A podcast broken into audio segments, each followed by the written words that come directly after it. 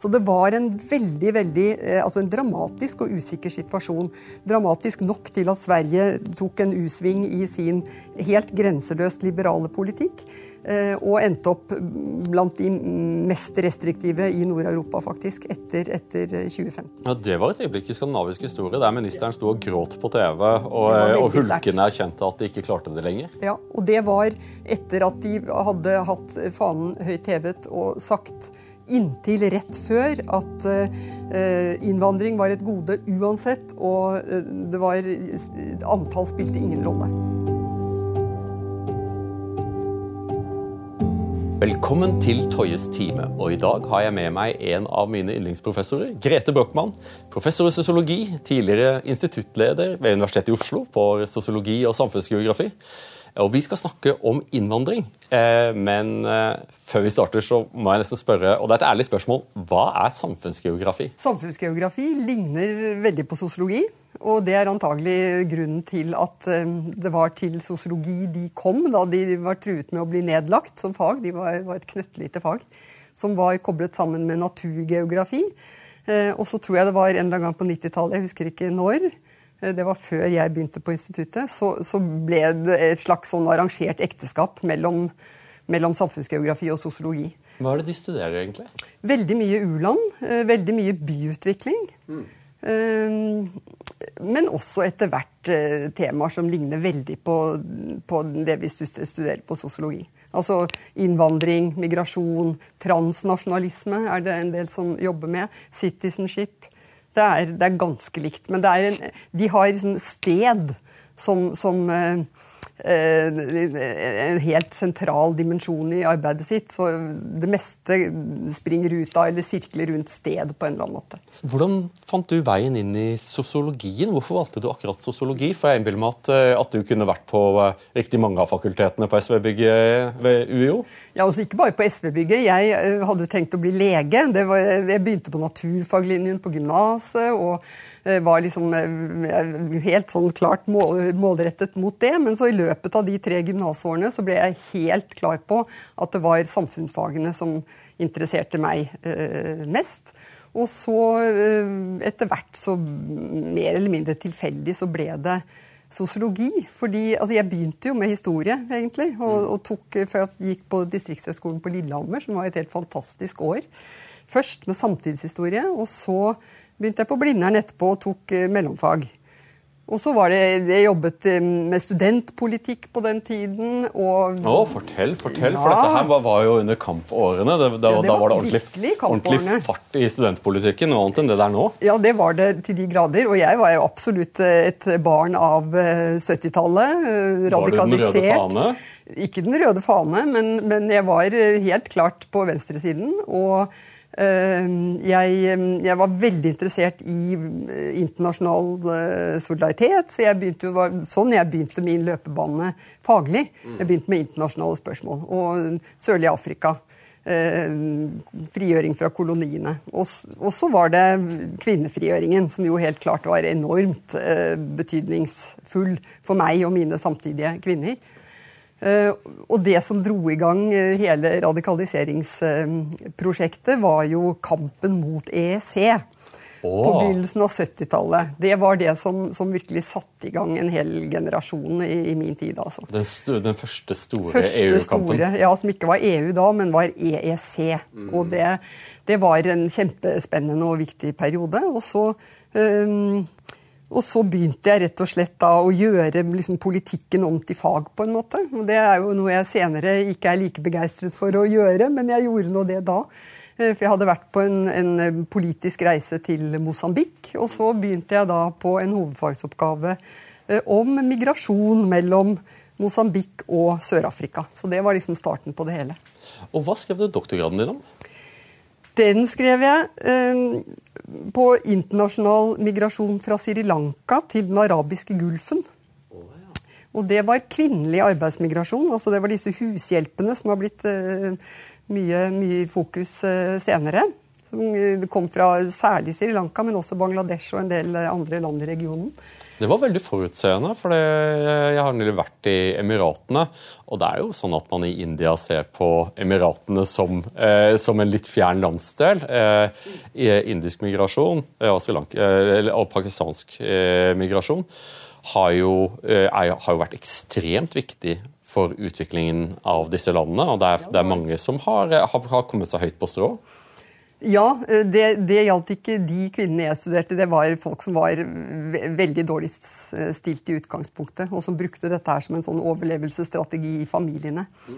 Men, men, det er helt riktig som du sier, at det var, det var litt sånn forut i tid. Fordi eh, migrasjon var jo ikke noe tema i det hele tatt på det tidspunktet. Jeg forteller ofte i sånne sammenhenger når jeg blir spurt om sånne ting som dette her, at eh, jeg hadde mange kolleger som ikke visste hva migrasjon var da jeg begynte å studere dette her i, i afrikansk eh, sammenheng.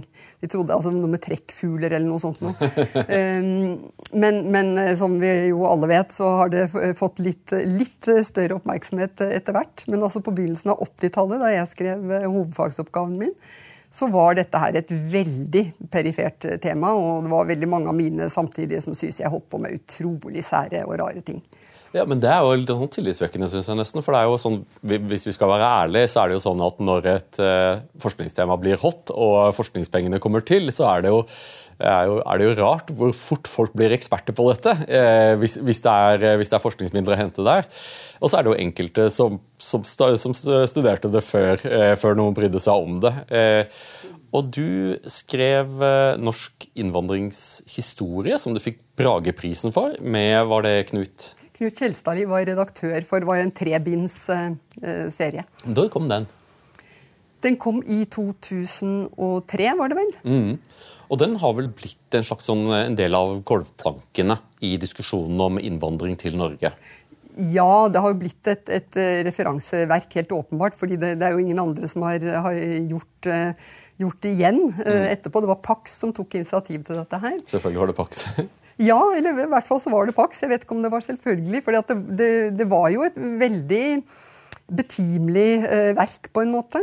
Uh, og uh, det, var, det, var, kjempemorsomt å, å, å, jobbe med. fordi det var jo virkelig de lange linjene. Vi startet i år 900.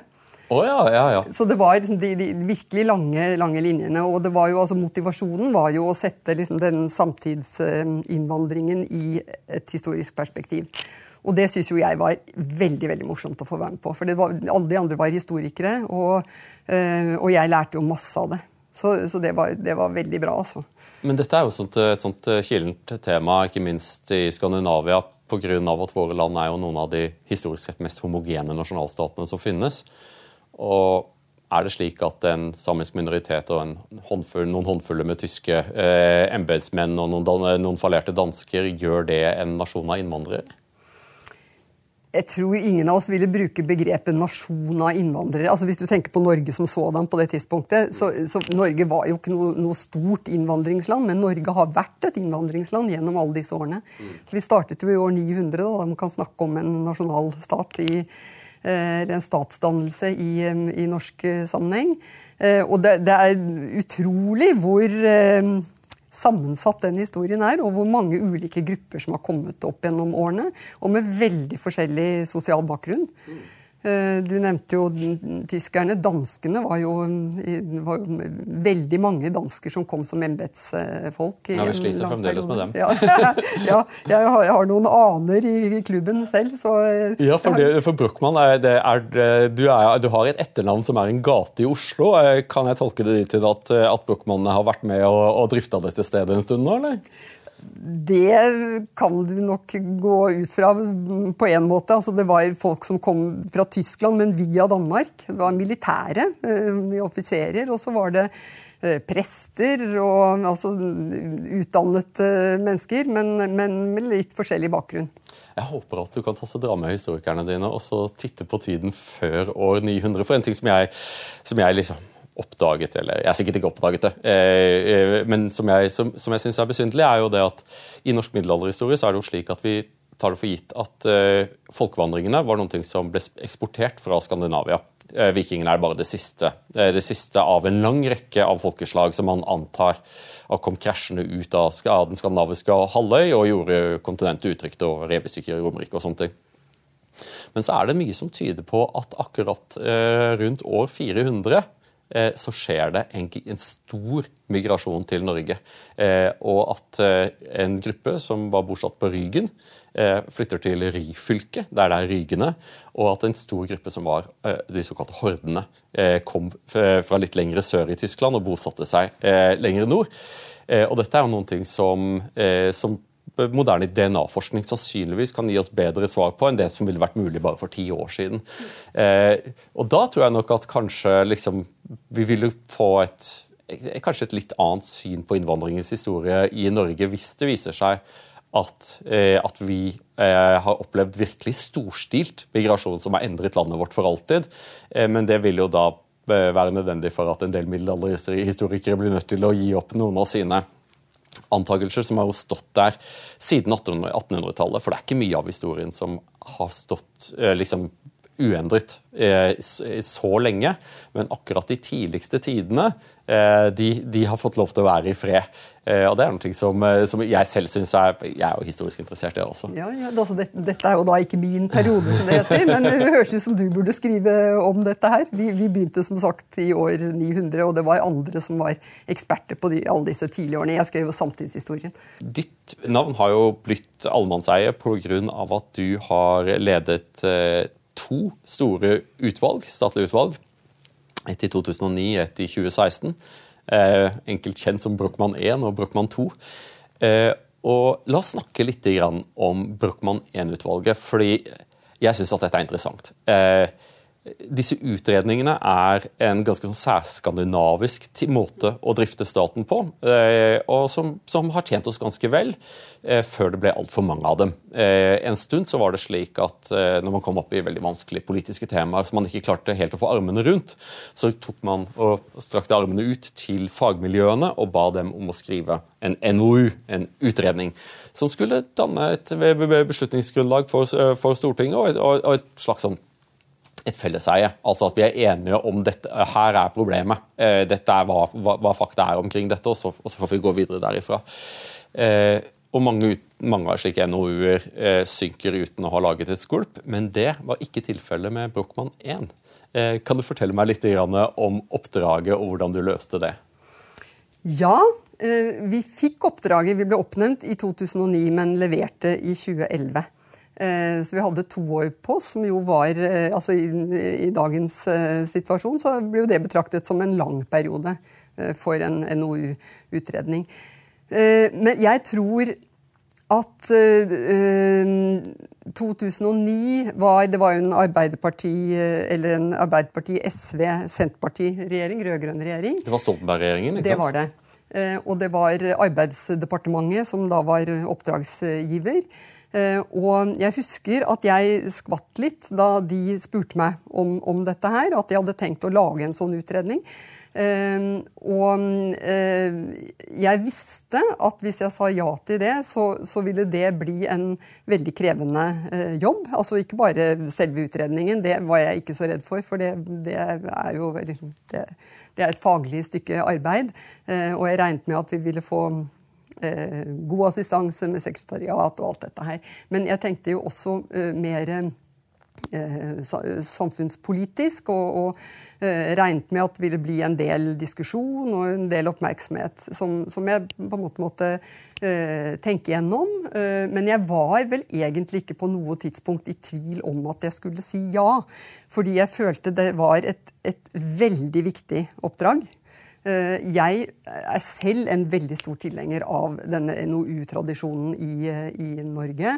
Eh, jeg syns det, det, er et glimrende påfunn å, å, gjøre det på den måten. Og eh, som forsker så hadde jeg hatt veldig stor glede av NOU-er tidligere.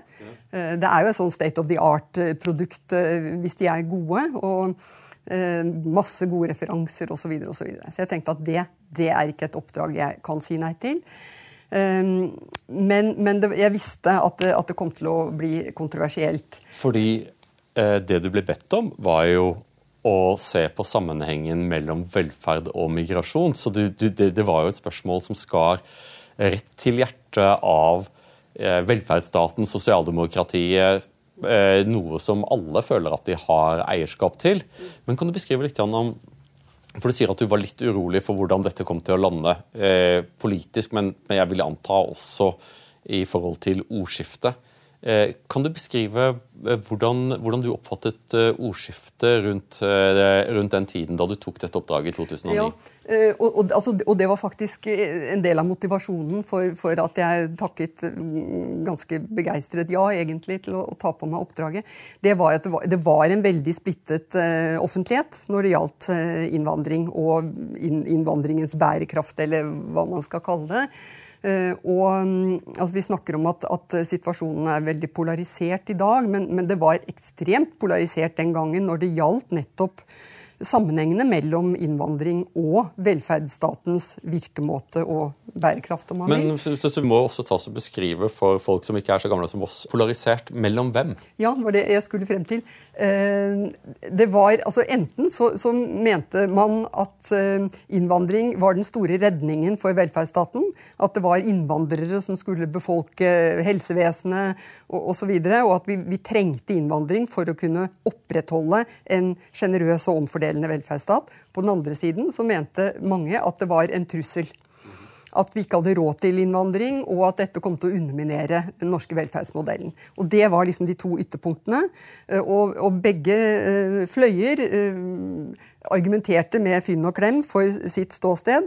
Og det var ikke noe sånn vederheftig eh, faktagrunnlag å basere offentlig diskusjon på. Det var spredt forskning, og det var det var, altså SSB har jo alltid bidratt, eh, men det var liksom ikke noe samlet analyse. Ja, så jeg husker jo dette som at Det var også en tid da man med vilje misforsto hverandre. På grunn av at Det finnes, det er jo ikke, det er jo ikke sånn som med hvitost at innvandring er innvandring. Det vi, alt da hadde vi jo EØS-innvandring eh, fra, eh, fra, EU, fra fellesmarkedet. Eh, og så hadde vi eh, asylmigrasjon og flyktningmigrasjon. Eh, og disse ble blandet alt etter behov i debatten, noen ting som skapte en vanvittig grad av polarisering. Eh, som jo også førte til at partiet Frp var jo over 30% i oppslutning. Det er jo mye pent å si om Frp, men på den tiden i alle fall, så hadde de jo partiet en ganske snever mengde med saker de hadde eierskap til. Så det viste vel noe av springkraften i dette. Ja, det var, det var sprengkraft. Men, men, men, det jeg ofte har sagt, som jeg, som jeg, føler i sterk grad, var at det at det var så polarisert, gjorde også at det på en eller annen måte var en etterspørsel etter analyser som ikke var polariserte. Og jeg tror det er det som forklarer noe av eh, oppnevningen av, av utvalget. Eh, jeg vet at folk i eh, i administrasjonen og i politiske miljøene hadde tenkt en stund at det ville være veldig fint å lage en sånn utredning, men tiden hadde på en måte ikke vært moden. Og man hadde jo den forhistorien med dette innvandringsregnskapet som Frp foreslo på 90-tallet, som, som, ble uh, skutt uh, hardt og brutalt uh, ned, og som fikk veldig mye negativ oppmerksomhet i, i pressen. Så, så, gikk det jo da minst ti år før dette her da ble plukket opp igjen av Stoltenberg-regjeringen. og Eh, og, og, og, satt ut i livet. Og jeg, jeg, tror, jeg, tror, det var en blanding av politisk ledelse og noen, noen um, drivkrefter i, i um, uh, departementet selv. Ja, for Det virket som at tiden var moden. For det, det må vel sies at Brochmann 1 den traff planken. Det er sjelden jeg har opplevd at at en NOU har en sånn effekt at tyngdepunktet i diskusjonen er ett sted, og før rapporten kommer, og så etter rapporten så har tyngdepunktet endret seg. Eh, og dette har jo ikke høyre eller venstre, det er bare at, at diskusjonen plutselig var et annet sted. Altså jeg syns jo selv at, eh, at, det var kanskje det viktigste vi bidro med. Det var nettopp å, å, å gi en, en, plattform for en mer fruktbar offentlig diskusjon. Er, Men mer spesifikt, for det handlet jo om eh, den såkalte arbeidslinja, ja, ikke sant? Det, og det sto faktisk direkte i eh, mandatet. Eh, det var noen normative føringer i mandatet som, som, uh, som jeg la vekt på i, i, mange sammenhenger da jeg snakket, fordi det hører liksom med i, i, i bakgrunnen her. Altså den, den, viktigste uh, normative føringen var at vi skulle bidra til å videreutvikle den norske arbeidslivs- og velferdsmodellen. Og det var ekstremt viktig, fordi man kunne jo komme opp med policyforslag i veldig mange retninger hvis det ikke hadde vært eh, grunnplanken. Og I tillegg så skulle vi bidra til å styrke arbeidslinja, som det het. Eh, og Det er to veldig viktige eh, føringer. Og Når man har det som premiss for, eh, for analysene, så, så, er det en del ting eh, om ikke akkurat faller på, som faller på plass, men, men, det er i hvert fall eh, veldig viktig for hvor man innretter eh, blikket. Ja, for Rapporten konkluderte vel at det var en reell utfordring ved at mange av innvandrerne som kom til Norge, sto for kort tid i arbeidslivet, hvis de kom inn i arbeidslivet i det hele tatt. Og at det potensielt ville bli en utfordring, gitt premisset av fortsatt høy migrasjon. Ja, men igjen hvilke innvandrere. Og Det var noe av det viktigste, eller noe, noe av det viktigere vi bidro med også. Det var jo å, å, å, få en slutt på at man snakket om innvandrere som én stor gruppe. Eh, vi differensierte hele tiden og, og, studerte hver kategori for seg, og så veldig konkret på eh, hvilke ting som måtte være på plass for at de, de forskjellige eh, kategoriene eh, ikke skulle eh, forstyrre hovedmekanismene i den norske arbeidslivs- og velferdsmodellen. Eh, og, og der er det klart altså EØS-innvandrere sammenlignet med, med uh, flyktninger har veldig ulik innvirkning på den norske velferdsmodellen. Hvor EØS-migranter i all hovedsak så har det jo vært en, en økonomisk kjempegevinst for Norge med, med EØS-innvandringen. Men det er en del Eh, systemiske utfordringer i det, som vi har sett altså, i høy grad i forbindelse med koronaepidemien. Hvor sårbarheten som har utviklet seg i norsk arbeidsliv, avhengigheten av denne typen eh, arbeidskraft, har blitt overtydelig. Eh, og vi har også, som, som årene har gått, eh, sett eh, eksempler på sosial dumping, på, på um, lavtlønnskonkurranse, nedgang i, i lønninger og også veldig viktig, rett og slett utarming av enkelte, enkelt fagkunnskap. Altså i byggebransjen, malerprofesjonen osv. Hvor det ikke lenger nesten nesten er mulig å rekruttere unge norske personer til disse fagområdene, fordi de er fullstendig tatt over av, av EØS-migranter. Så det er veldig sammensatt. Men eh, derfor så, vi, så vi på da, i, i, første rekke når det gjaldt altså arbeidsinnvandrerne, hvordan de påvirket selve virkemåten i, i den, en veldig sånn finbalansert uh, arbeidslivs- og velferdsmodell. Ja, absolutt. Men... Mens, mens, flyktninger på den andre siden, der er utfordringen velferds systemet, velferdsgodene, overføringene. ikke sant? Fordi eh, de kommer veldig ofte med, med, svært mye lavere kompetanse enn det snittet eh, av nordmenn eh, har. Og Følgelig så går det først lang tid før de faktisk integreres i arbeidslivet, hvis de integreres i arbeidslivet. Og så har da Frischsenteret uh, også bidratt med forskning som viser at veldig mange faller ut Eh, etter en del år i arbeid også uforholdsmessig tidlig. Sånn at Der ligger det en, sånn, en budsjettutfordring, og, en, og som igjen får følge for, for, resten av integrasjonsfeltet. Så Det er liksom veldig forskjellige typer uh, utfordringer. Og så er det også noen, noen um, gevinster som man heller ikke skal glemme, og det, det la vi også i, i høy grad vekt på. Mm. Men som vi sa i åpnings... Uh, kapitlet. Det er ikke én virkning av innvandring på den norske arbeidslivs- og velferdsmodellen. Det er veldig differensiert, og, og, folk kommer med veldig ulike forutsetninger og har derav også veldig ulik innvirkning. Og den innvirkningen er også veldig forskjellig for ulike grupper i eh, den norske befolkningen. Ja, for En av de tingene som er jo sånn interessant med, med, med denne eh, rapporten Nå må du bare korrigere meg hvis jeg har lest det feil.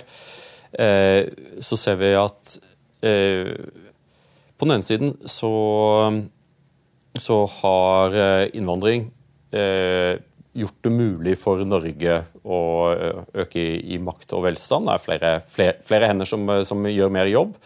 Samtidig, og dette er ikke bare Norge, mange europeiske land, så har dette kollidert med en sånn antagelse om effektivitet i samfunnet. Altså at høymoderne samfunn vi effektiviserer bort veldig mye av slitsomme, fysiske, lavkvalifisert arbeid. Det bare automatiseres bort.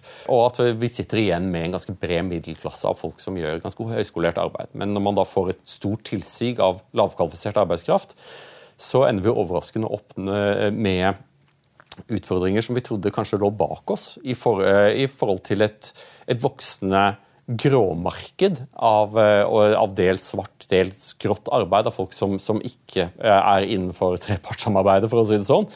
Eh, og folk som ikke finner veien inn i samfunnet på en eller annen måte. At, at innvandrere, og da spesielt asylsøkere, flyktninger, klumper seg sammen.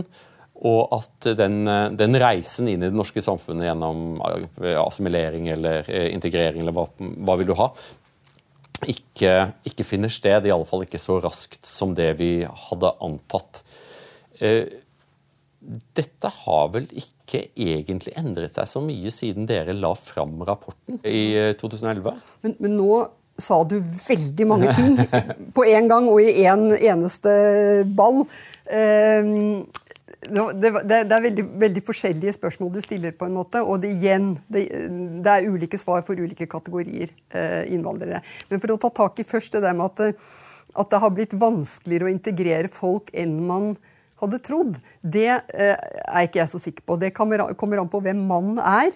Eh, men i tillegg så, så, vil jo jeg si altså Hvis man baserer seg på internasjonal historisk forskning om innvandring, så har det latere til at det på en måte går mye fortere enn det man hadde antatt. Eh, Robert Park var en eh, berømt sosiolog i USA som var eh, kjent for bl.a. En, en lovmessighet som han snakket om når det gjaldt integrasjon. Og det var at det tok tre generasjoner. Også, også i et land som USA med en helt annen samfunnsmodell. Så regnet man med at det gjaldt nesten i enhver sammenheng at det tok tre generasjoner. Um, nå er det umulig å, å skjære alt over én kam i norsk sammenheng og si at det går kjempebra eller det går kjempedårlig, for det er veldig, veldig stor variasjon. Eh, men de studiene som har vært gjort de senere årene, som jeg tror også du kjenner til eh, noen av dem, eh, viser jo at denne såkalte opphentingen som økonomer snakker om, har gått forbløffende raskt fra første til annen generasjon når det gjelder vesentlige spørsmål som arbeid, utdanning, men også, kanskje mest overraskende, en god del verdispørsmål. Syn på homofili, syn på likestilling, forhold til religion. At, at det, har, det, har, gått øh, øh, altså, i den grad det er representative funn for det store grosset, så vil jeg si nesten at det har gått mye raskere enn, det jeg hadde forventet. for å si det sånn. Men i dette bildet så er det jo enkelte grupper som, eh, som stikker seg ut i negativ forstand. Kan du snakke litt om, om det? Ja, eh, det, det, er også grupper som har eh, store problemer i arbeidslivet, som vi var inne på tidligere. Eh, og det, det, ser også helt klart ut til at det er, eh, særlig når det gjelder dette første generasjon, at det er eh, mange som, som forblir på en måte i sine eh, miljøer. Og mm, forsøker så langt de kan å, å leve som de levde der de kom fra. Altså at de beholder sine sin, sin, livsførsel, sine verdier osv. Som, som i og for seg ikke er, er Hvilke grupper er det vi snakker om uh, nå? Uh, altså De gruppene som, som, får mest oppmerksomhet, er jo helt åpenbart uh, muslimske innvandrere. Fra, og det gjelder det samme fra alle muslimske land? det tror jeg altså Jeg har ikke forsket spesielt på muslimer i Norge, så jeg skal være litt forsiktig med, med hvor, hvor, bastant jeg uh, legger ut uh, det. Men, men det, det, er jo stor variasjon mellom uh, også innvandrere som kommer fra ulike land med muslimsk befolkning. Mm, for det jeg er ute etter, er er det fra land vi tar mange migranter som, så, som, utmerker seg, eller er, det, eller er det de landene som vi tar få migranter, som sliter mest? Ah, altså, jeg tror det er altså, Nei, det, det, vet jeg ikke hva jeg skal si om, rett og slett. Altså, om det er noe sånn systematikk i det. Det har jeg, jeg har aldri tenkt på det ut fra den problemstillingen. Så det er ikke slik at, eh, at Norge tar eh, veldig mange eh, asylsøkere, med migranter fra land som historisk har vist seg vanskelig å integrere, i alle fall med mindre du tar et svært langt perspektiv? Det er jo ikke det som er inngangen til hvor mange som får opphold fra et land nei, nei. i Norge. Så, så det, det, er jo mer altså hvor, hvor, har det vært konflikter som har skapt flukt, som har blitt, betraktet som et legitimt grunnlag for opphold i, Norge. Det er jo det som er inngangen. Nei, men det, det, kan jo ikke passe. Hvis også asylgrunnlaget har, eh, har, utviklet seg, så er det jo flere hundre millioner mennesker som ville ha legitimt opphold, grunn ja, til, ja, til, asyl i Norge. Jo, det så det jeg spør deg om, er de som faktisk får asyl, eh, er det disse gruppene som du da viser til som, eh, som sliter med at de kommer ofte lavkvalifiserte og, eh, og, sliter med å finne veien i den norske kulturen, iallfall. Eh, med mindre man tar et premiss om en antakelse om at det vil gå, gå godt om tre generasjoner. Er dette grupper som har vist seg at, at, at trenger hjelp, da, hvis man skal si det på en måte? Ja, altså alle som kommer fra, fra land eh, der det er vanlig å ha veldig lav, lave kvalifikasjoner, vil trenge assistanse i det norske samfunnet Eh, for å kunne fungere i arbeidslivet og for øvrig. Og det er jo hele tankegangen bak eh, integrasjonspolitikken.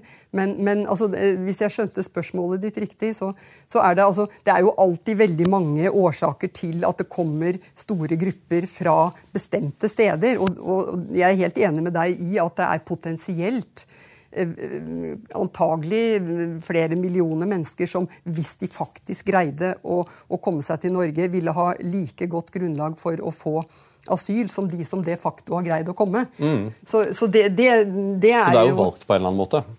At det er valgt? Det, må jo være, for vi, det er jo et element av, av kjedemigrasjon. Ja, det er det og, opplagt. og at, eh, at, man velger jo én gruppe og framfor en annen gruppe, all den tid det finnes et veldig stort antall mennesker i verden som har legitimt eh, krav på asyl i Norge dersom de skulle kunne klare å komme seg hit. Jo, men Det, det er litt sånn skrivebordsaktig. fordi eh, altså Det er jo ikke sånn at norske myndigheter sitter med verdenskartet og bestemmer seg for hvilke grupper som er mest fortjent, og så henter de folk derfra. Det er jo folk selv som kommer, og det er jo hele asyl... Eh, altså det er jo asylskvisen. For alle eh, attraktive mottakerland, det er jo nettopp det at folk melder seg selv.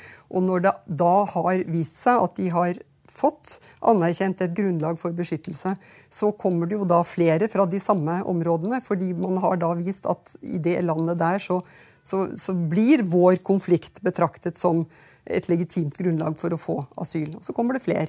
Så det er jo sånn, sånn stiavhengigheter også, også, i dette her, som da, som du sier, kalles Eh, kjedemigrasjon. Men det er jo sånn det foregår. Og det er jo ikke en plan fra myndighetenes side om å, å plukke ut de som er, er, mest fortjent, på en måte, globalt. Men dette er jo en, sånn, en, utfordring som ikke bare gjelder Norge. Det gjelder også eh, i høyeste grad nabolandet vårt, Sverige. Der man ser at eh, eh, den tanken om at eh, Ty på deg, vær stille. Dette kommer til å gå bra. Hvis vi bare ikke snakker om problemene ved det, så kommer det til å gå, eh, til å gå riktig greit. Eh, for du eh, hadde ikke fått, fått, hvile deg lenge før du ble kalt tilbake for, for å skrive et nytt, en ny NOU. Og denne gangen du kan kanskje, kanskje, fortelle selv om hvorfor dette var påkrevd, og hvorfor myndighetene mente at, at vi måtte få en ny utredning? Ja, og jeg var jo egentlig ganske overrasket selv eh, over at det kom en ny eh, forespørsel. Eh, men eh, det viste seg jo da vi leverte i 2011 første utredningen, så hadde vi sett på alle kategorier eh, innvandrere til Norge og analysert eh, virkninger osv. Men, men, i offentlig debatt så var det jo arbeidsinnvandrerne som fikk mest oppmerksomhet. Sånn uten sammenligning mest oppmerksomhet. Og det var jeg veldig overrasket over. Jeg hadde trodd at det var flyktninger som kom til å bli den, den kontroversielle gruppa. fordi det er jo den, den eh, gruppa som vanligvis eh, blir diskutert mest ut fra normativt uh, grunnlag osv. Uh, mest kontroversielt, mest følelsesladet osv. Og, og så ble det arbeidsinnvandringen som ble den store uh, oppmerksomhetsmagneten. Og uh, vi hadde jo også brukt kanskje mer energi forholdsmessig på arbeidsinnvandrere enn de andre gruppene, fordi det var så nytt. Mm. Uh, og det var um, en veldig stor interesse for det, som vi fanget opp også underveis. Uh, men da flyktningkrisen kom da i, i 2015, så, så, var jo den, den høsten 2015 var jo intens. Uh, politisk og på veldig mange måter. Det, kom, det, det altså var som om situasjonen Eh, skulle komme helt ut av kontroll. Det var en veldig, veldig mm, Det var litt av en høst? Ja, det var det. Det var veldig tenst på alle mulige måter. Som jeg ofte nå tenker at folk har glemt, nesten. Når man da sammenligner situasjonen nå med ukrainerne med, med 2015. Det er en veldig viktig forskjell. At, at det var ingen um, europeiske institusjoner på plass. EU håndterte ikke situasjonen i det hele tatt. Og, uh, og det var tilsynelatende ikke kontroll på, på, tilstrømningen. Så det var en veldig, veldig, eh, altså en dramatisk og usikker situasjon. Dramatisk nok til at Sverige tok en U-sving i sin helt grenseløst liberale politikk. Eh, og endte opp blant de mest restriktive i Nord-Europa, faktisk, etter, etter, 2015. Ja, Det var et øyeblikk i skandinavisk historie der ministeren sto og gråt på TV, og, og hulkene erkjente at de ikke klarte det lenger. Ja, og det var etter at de hadde hatt fanen høyt hevet og sagt inntil rett før at uh, innvandring var et gode uansett, og det var, antall spilte ingen rolle. Så det var en skikkelig U-sving. Og, og, det var med på å, å, skape den litt sånn dramatiske stemningen som, som, var mot slutten av 2015 rundt dette. Så kan vi etterpå si at det, det, var, jo, det var jo håndterbart, og det kom ikke så mange osv., men det visste vi ikke da. Ehm, og eh, det, det, det, manglet et europeisk grep om, om situasjonen. Uh, og så ble det jo da et, et, kriseforlik i Stortinget som var veldig viktig i, i norsk sammenheng. Uh, og hvor da som et ledd i denne krisehåndteringen så ble det da bestemt at de skulle oppnevne et nytt utvalg. Da med hovedoppmerksomhet rettet mot Eh, flukt og, og, og, flyktninger. Og utfordringer for igjen eh, den norske velferdsmodellen, gitt eh, fortsatt høy innvandring, som, som da mandatet eh, trakk opp. Det, det, ble jo mye diskusjon da også. Eh, jeg tror at førsteutredningen har blitt mest eh, markant, fordi det var jo liksom murbrekkerjobben. Det var den, den utredningen som var nyskapende, Eh, første som, som eh, ble oppnevnt noensinne eh, i Norge av det slaget osv. Mens nummer to der ble det jo direkte sagt i mandatet at vi skulle bygge videre på analysene i første utredningen. Så da var jo på en måte retningen gitt. Uh, gjennom det. Og det er jo i og for seg veldig interessant. da Det sier jo noe om konsensusnivået i Norge, tross alt. For det var jo en Høyre-Fremskrittsparti-regjering som da ba uh, samme utredningsleder om å bare følge opp i samme gate som fra første utredningen, men nå anvende dette på flyktninger særskilt. Uh, droppe alt som hadde med, med arbeidsinnvandring å gjøre i, i den sammenhengen. Ja, fordi eh, Det er jo interessant å se hvordan innvandringsspørsmålet har tatt ulike veier i ulike land. Eh, for vi må vel kunne si at eh, innvandring har mistet noe i alle fall, av sin mobiliserende kraft i norsk politikk. Eh, mens i Sverige nå skriver vi 2022, de skal ha valg nå i september, og der er jo innvandring det store temaet denne gangen. Sverigedemokraterna, største partiet på borgerlig side nå ifølge eh, meningsmålingene. Sosialdemokratene klarer å holde linja, mens Moderatene, altså det svenske søsterpartiet til Høyre, eh, sliter noe voldsomt nå. Og det har vel også noen ting å gjøre med at innvandring i Sverige har blitt eh, assosiert med et veldig høyt uh, voldsnivå.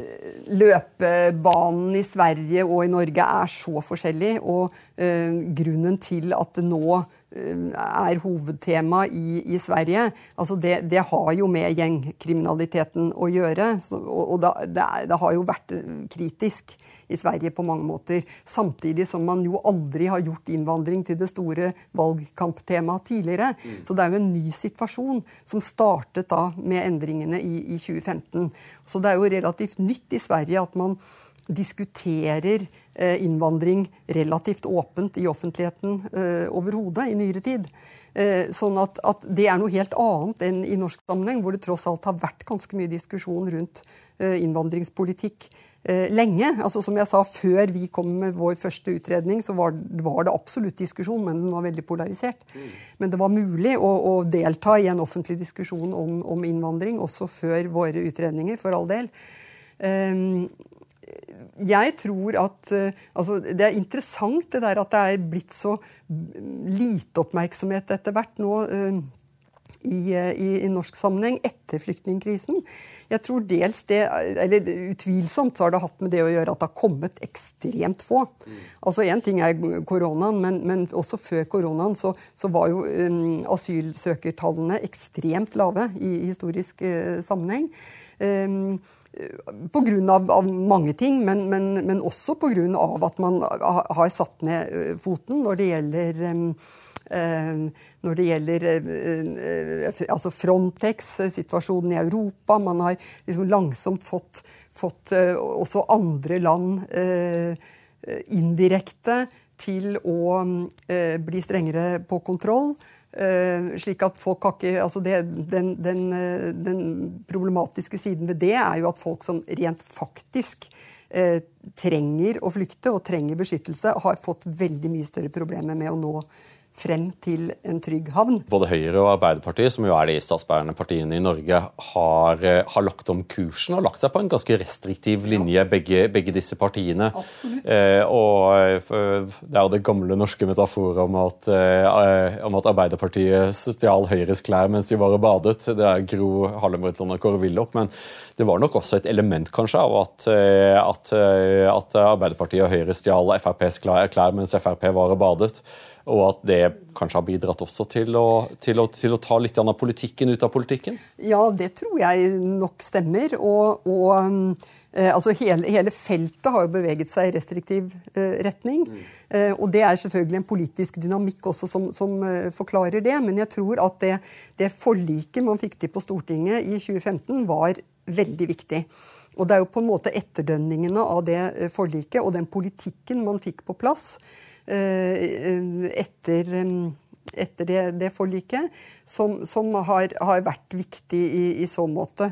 Eh, men altså, det jeg skulle frem til, er at altså, når, når det har kommet så få, så har det ikke vært nødvendig for partiene å, å, holde på med innvandringspolitikken i noe særlig grad. Frp har ikke hatt det samme å spille på som de har hatt tidligere, og eh, også kunnet bruke til å, å eh, ha innflytelse på de andre partienes eh, utvikling osv. Eh, men så kommer da Ukraina-krisen. Mm. Og nå har det jo i løpet av eh, det korte spennet fra februar og til eh, august, så har det jo kommet langt flere flyktninger enn det kom syrere til Norge i 2015. Mm.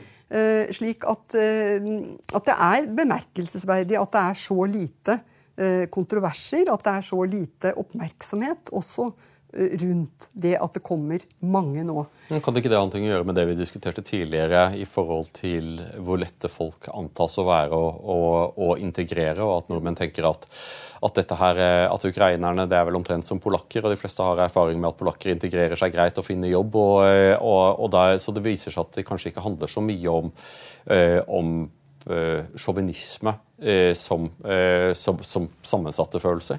Men sånn som du skriver Eh, du har introdusert et begrep som jeg synes er veldig interessant, absorpsjonsevne.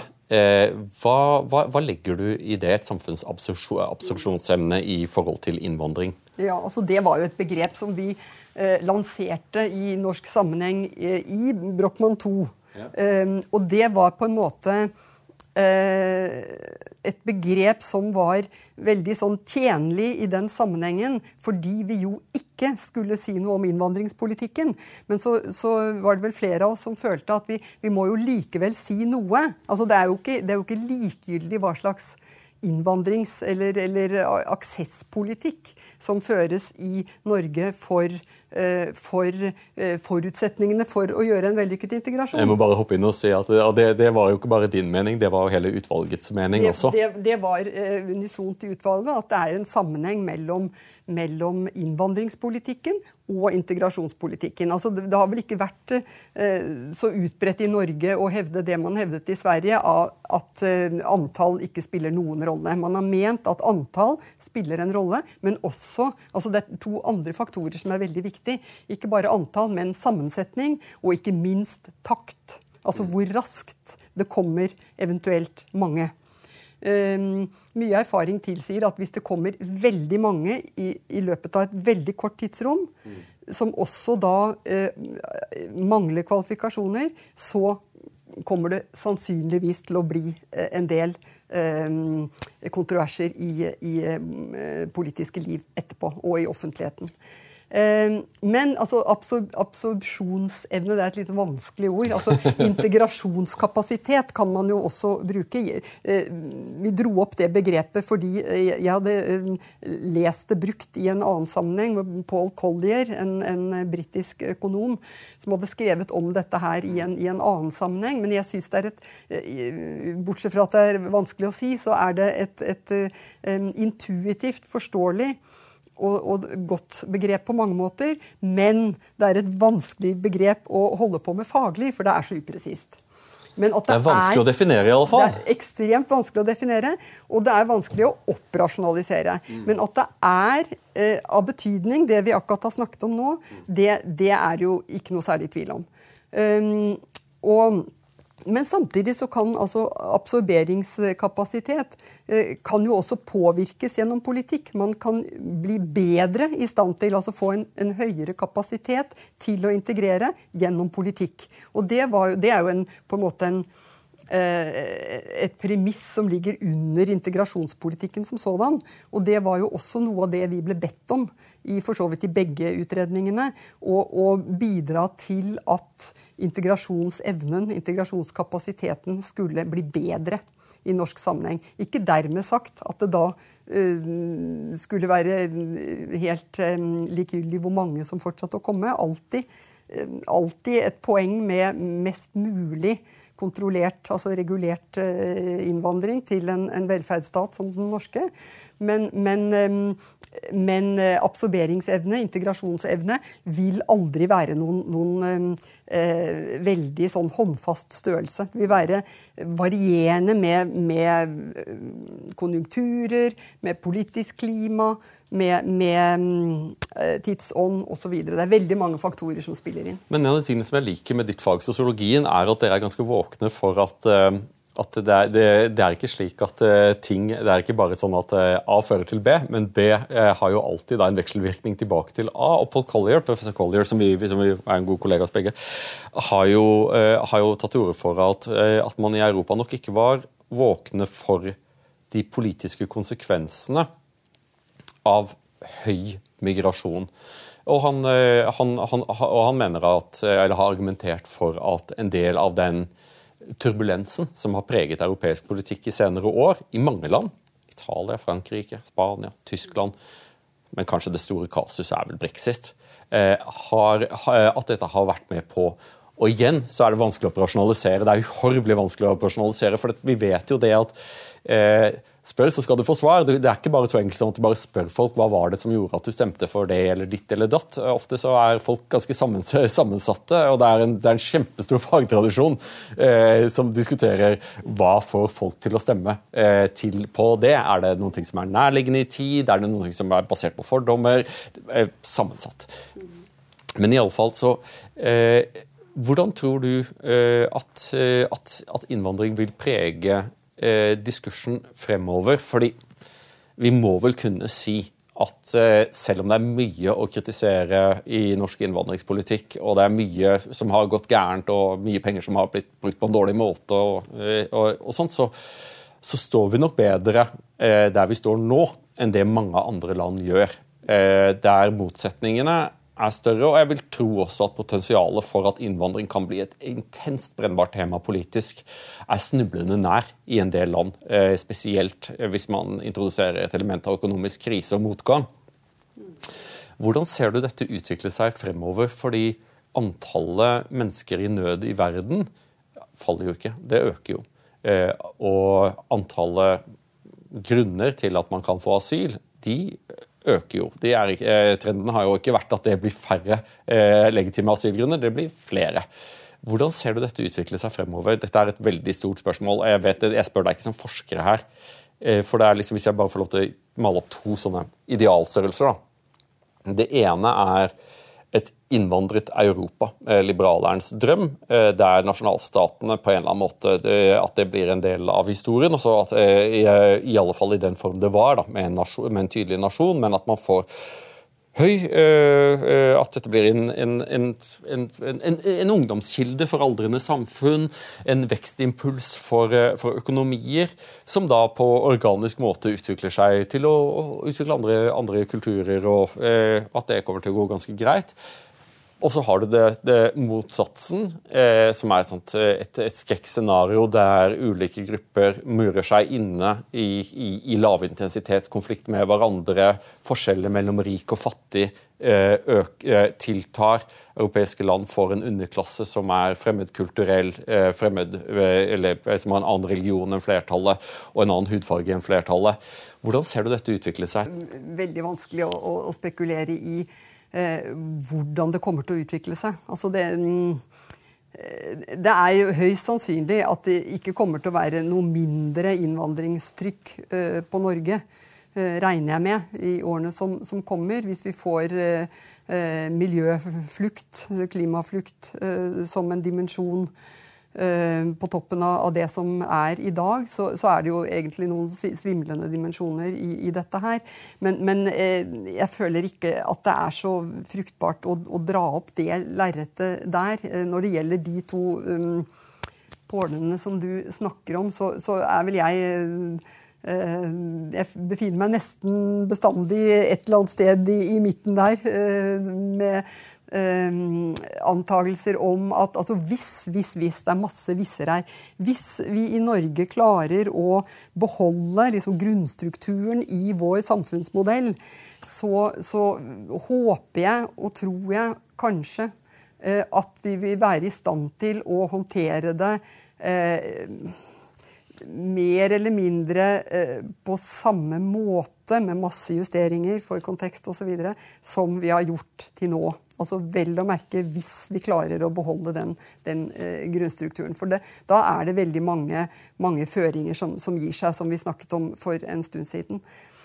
Men, men altså, jeg vil ikke gå inn på noe sånn hva hvis eh, en million osv. Altså, det er, eh, det er eh, dystre utsikter. Og, og det, nå går vi jo høyst sannsynlig også inn i vanskeligere økonomisk farvann enn vi har vært i. Vi har jo kunnet betale oss ut av veldig mye problemer i Norge. Det er jo noe av forklaringen eh, på at, eh, at vi har færre problemer enn mange andre land på mange dimensjoner, ikke bare når det gjelder innvandring. Så, så um, hvis det blir uh, vesentlig knappere samtidig som utfordringene bare blir større, så er det klart at det, det, det, kommer til å endre samfunnene våre. Det er ikke noe tvil om det. Men La meg spørre om noe som du, som du har forsket på. for det er jo, uh, Du snakker om grunnbankene, men det du egentlig sikter til, er vel tillit. Om vi klarer å bevare noen ting som i global målestokk er ganske uvanlig. Uh, høytillitssamfunnet.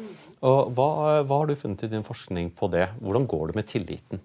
I samfunnet under premiss av høy innvandring? Ja, altså Det kommer igjen an på hva slags tillit vi snakker om. Men altså den såkalte, den gullkantete, generaliserte tilliten, som, som, er det som karakteriserer kanskje de skandinaviske landene eh, mest sammenlignet med resten av verden, det er jo at, at det er en veldig sånn stabil grunntillit i, i, samfunnet, som har med veldig, i veldig sterk grad vår samfunnsmodell å gjøre, eh, tror vel de fleste forskere. Eh, at det er eh, at det er etterrettelighet, det er likebehandling, det er altså alt, alt med visse modifikasjoner. Men, altså det, er, det, er, masse sånn gode grunnstrukturer som er på plass. En rettsstat, eh, velfungerende demokrati osv. som avler tillit, som igjen forsterker tillit. Altså, dette er jo eh, et fenomen som veldig ofte blir forklart som, som selvforsterkende, men som selvfølgelig også da kan forsterkes i motsatt retning hvis noe begynner å, å butte grunnleggende. Um, hvordan, er, hvordan er det med, med innvandrere? Tar de til seg tilliten i skandinaviske samfunn når de migrerer til skandinaviske samfunn, eller bevarer de den tillitsgraden som vi i opprinnelseslandet? Det er, eh, altså I, i forbløffende stor grad så, så annammes eh, eh, en del. Ikke, det er ikke full opphenting, som det heter igjen. Eh, men, men eh, det, det, er, det, skjer en veldig positiv utvikling på tillitsfronten eh, blant innvandrere. Og det, det gjelder, så vidt jeg husker, de fleste grupper. men, men Ehm, etter én generasjon så er ikke tillitsnivået helt eh, på samme plan som for majoriteten. Eh, men ehm, det er, altså det, er, høy tillit til de norske samfunnsstrukturene, og ikke nødvendigvis eh, like høy tillit til gruppen, egen gruppe eller andre innvandrergrupper, f.eks. Så det er en interessant diskrepans. Eh, men, men, eh, de beholder både trekk fra den tillitskulturen de kommer fra, men annammer også den norske tillitskulturen. Eh, så, så, men, men altså, innvandring blir jo da veldig ofte diskutert som en, en, en utfordring overfor dette, dette, tillitsnivået. Foreløpig så er det jo lite som tyder på at tillitskapitalen i majoritetsbefolkningen blir skadelidende. Mm. Veldig lite tyder på det. Det har vært men, en liten nedgang i Sverige, men da først og fremst på lokalt nivå. Det er også en viktig distinksjon som tillitsforskere gjør. Altså generalisert tillit på samfunnsmessig plan og lokaltillit. tillit. I, I, hvor stor grad tror du at det, eller i hvor stor grad er det knyttet til eh, dette her eh, odiøse ordet hvit flukt? For, for det er jo en ting som vi i større, kanskje i større grad i Sverige enn i Norge har sett. At man ser eh, at når innvandrerne flytter ut, så flytter svenske, eh, inn, så flytter svenskene ut. Hvor du ender opp med Jeg har skrevet en del om eh, en forstad i Göteborg som heter Biskopgården. Hvor, hvor, den innfødte svenske befolkningen har falt under 10 dette pleide å være et ganske rent svensk arbeiderklassebydel. Eh, og dette er, er noe som har eh, som det som eh, svenskene kaller utsatte områder, har til felles, er at minoriteten er i majoritet. Er dette knyttet til tilliten at folk eh, flytter bort fra innvandrerne, og så bevarer de tilliten høy fordi de fremdeles bor om, eh, omgitt av den opprinnelige befolkningen? Eller er det slik at tilliten forblir høy også i områder hvor eh, det er eh, en veldig høy grad av innvandrere? Altså, det, dette har ikke jeg studert, så jeg, jeg, jeg vil ikke gå inn i, i, en vurdering av det. For jeg rett og slett ikke, ikke kan det ordentlig. Um, men, men jeg, jeg, går ut fra at, um, uh, at tillit altså Det tenker jeg bare intuitivt. Tillit må være uh, med uh, som, som én forklaring sammen med mange andre. Eh, for hvorfor folk velger å, å pakke sammen og, og, flytte. Jeg går ut fra at det også i høy grad har med skole å gjøre. Skole for barna osv. Kvalitet på skolene. Mm, som ikke nødvendigvis alltid stemmer eh, i norsk sammenheng. Eh, det, er, det, er, høy kvalitet på skolene i, i Groruddalen f.eks. Mm. Um, men, men um, Altså, Tillit må jo være en, en, faktor, jeg kan ikke skjønne noe annet. Men, men, jeg tror det er veldig sammensatt, og som sagt, jeg har ikke studert det selv. Hva syns du nå er det spørsmålet der du stiller deg spørsmålet gjerne skulle hatt svar, eh, hvor du tenker at her hadde det vært greit å hatt mer kunnskap, ganske enkelt, som kunne bli lagt fram på ett plan. Eh, er det, er det noe felt som peker seg ut innenfor dette store, brede innvandringsfeltet som peker seg ut?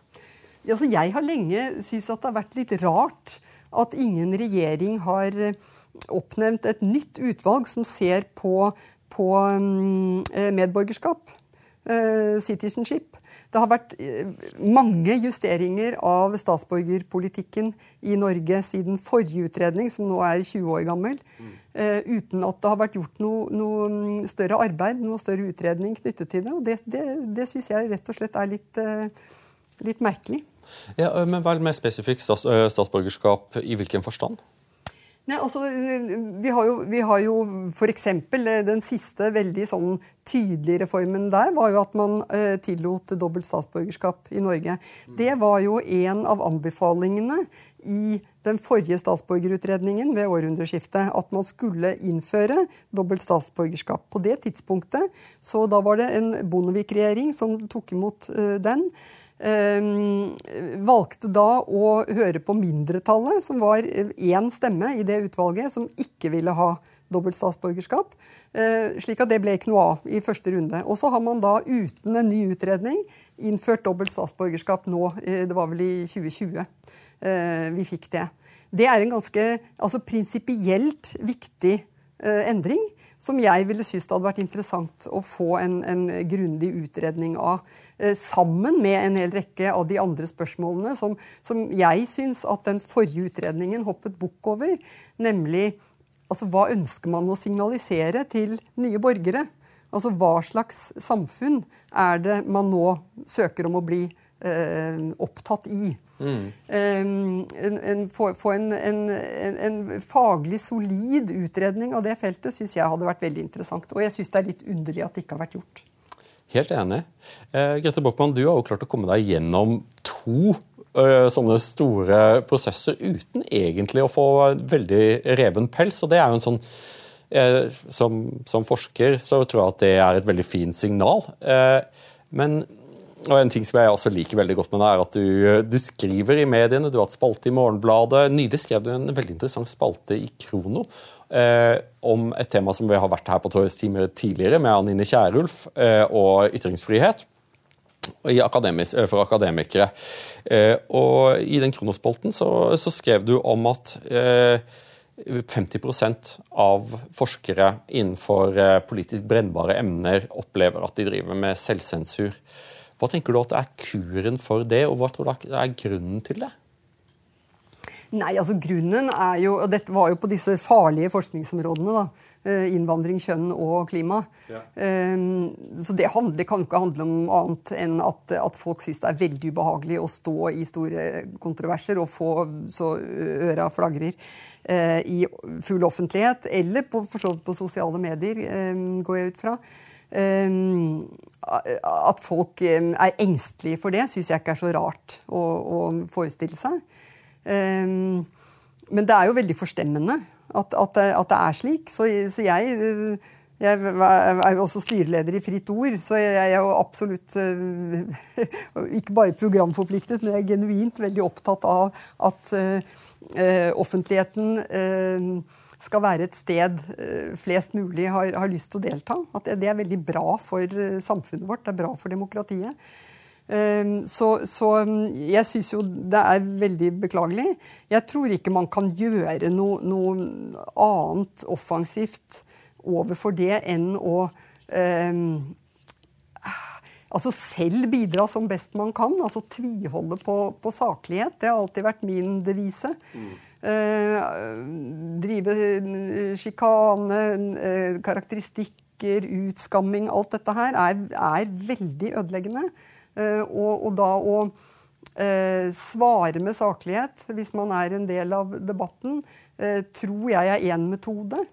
ellers altså være kritisk og si fra hvis folk skeier ut.